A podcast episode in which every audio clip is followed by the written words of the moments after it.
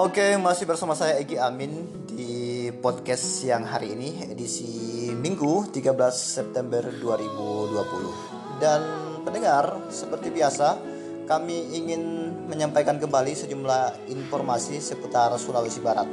Dan kali ini sebuah informasi datang dari Komisi Pemilihan Umum KPU Kabupaten Majene.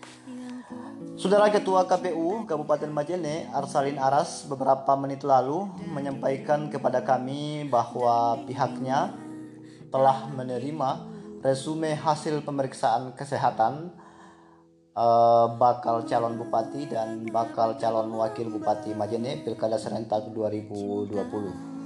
Uh, hasil uh, resume diterima dari Ikatan Dokter Indonesia Sulawesi Selatan Barat dan menurut Arsalin uh, pihaknya akan menggelar uh, rapat pleno yang akan dilaksanakan secara tertutup sebentar malam di kantor KPU Kabupaten Majene.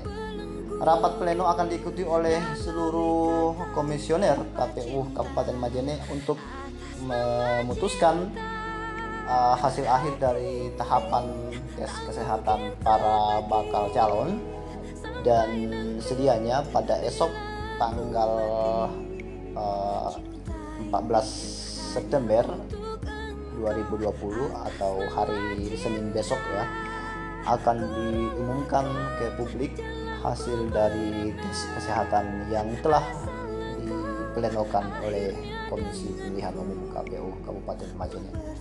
Demikian informasi terkini yang dapat kami sampaikan. Terima kasih atas perhatian Anda dan selamat siang.